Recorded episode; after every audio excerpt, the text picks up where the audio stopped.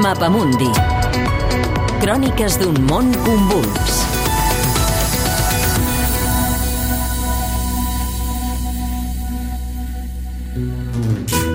Luxe, corrupció i cobdícia, la triple maledicció dels elefants africans.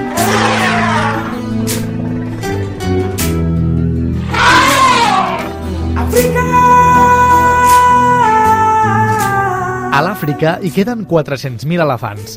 Ara fa un segle n'hi havia 12 milions. Són dades de la Convenció sobre el Comerç Internacional d'Espècies Amenaçades que va prohibir als anys 90 el comerç internacional d'ivori. Ara bé, és cada estat qui decideix si n'impedeix el comerç domèstic. Els Estats Units, el Regne Unit i Taiwan van ser pioners a l'hora d'aplicar restriccions al comerç que, diuen, és la millor manera d'aturar el dramàtic descens del nombre d'elefants africans. Zàmbia, Botswana, Angola i una desena de països més permeten que caçadors aficionats puguin matar elefants per diversió, un turisme de luxe que és responsable d'una part del problema.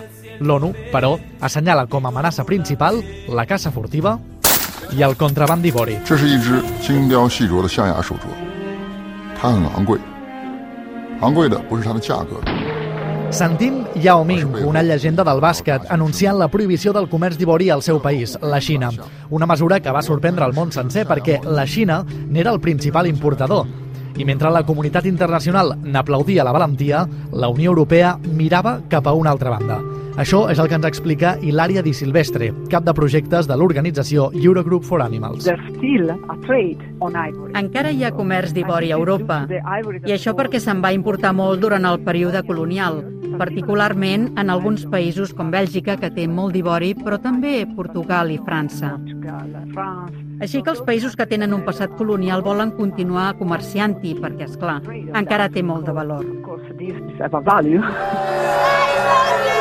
Tot i les pressions, la Unió Europea encara permet la venda d'ivori si es tracta de peces o ullals considerats antiguitats. Segons Daniela Fraya, biòloga i cofundadora de l'ONG Pro Wildlife, aquesta excepció és un autèntic colador per a l'entrada d'ivori de contraband.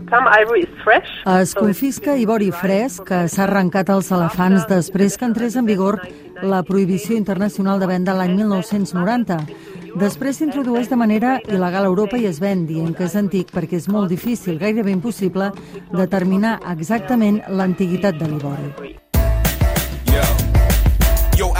Elephants move swiftly through your settlement, moving the sediment with the age old intelligence. Ara bé, per més que reguli el comerç d'ivori, la responsabilitat última de la conservació dels elefants africans recau en els governs dels països on habiten. Països empobrits amb una burocràcia corrupta que reclamen que es torni a legalitzar el comerç internacional d'ivori per destinar-ne els ingressos a la protecció dels elefants. El president de Zimbàbue, Emerson Mangawa, ho veu així. Si sumem l'ivori dels elefants i les banyes dels rinocerons, tenim més de 600 milions de dòlars. Heu d'estar segurs que estaríem capacitats per fer front als nostres problemes. Els últims anys, Zimbàbue, Botswana i Namíbia han estat emmagatzemant reserves d'ivori com si fos or o plata, mentre critiquen la idea bucòlica, diuen, que té la resta del món sobre els elefants. I és que les manades, famèliques per la sequera, sovint destrossen cultius, canals de regadiu i, quan s'enfaden, poden ser letals. Oh,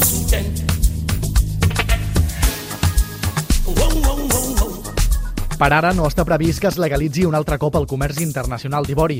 De fet, el Parlament Europeu votarà després de l'estiu si estableix l'obligatorietat que l'ivori que es comercialitzi a Europa tingui un certificat pericial que acrediti que la peça realment és anterior al 1947 pel que fa als ullals i al 1975 en el cas dels instruments de música. En definitiva, els conservacionistes que han impulsat la llei volen que quedi clar que, tot i la innegable bellesa de l'ivori, no es tracta de cap pedra preciosa, sinó dels ullals d'un animal en perill d'extinció que ha estat assassinat per pura cobdícia humana. Aquest és un reportatge de Lluís Freixas Carbonell amb el muntatge de Salva Pou, disponible al podcast del Mapamundi.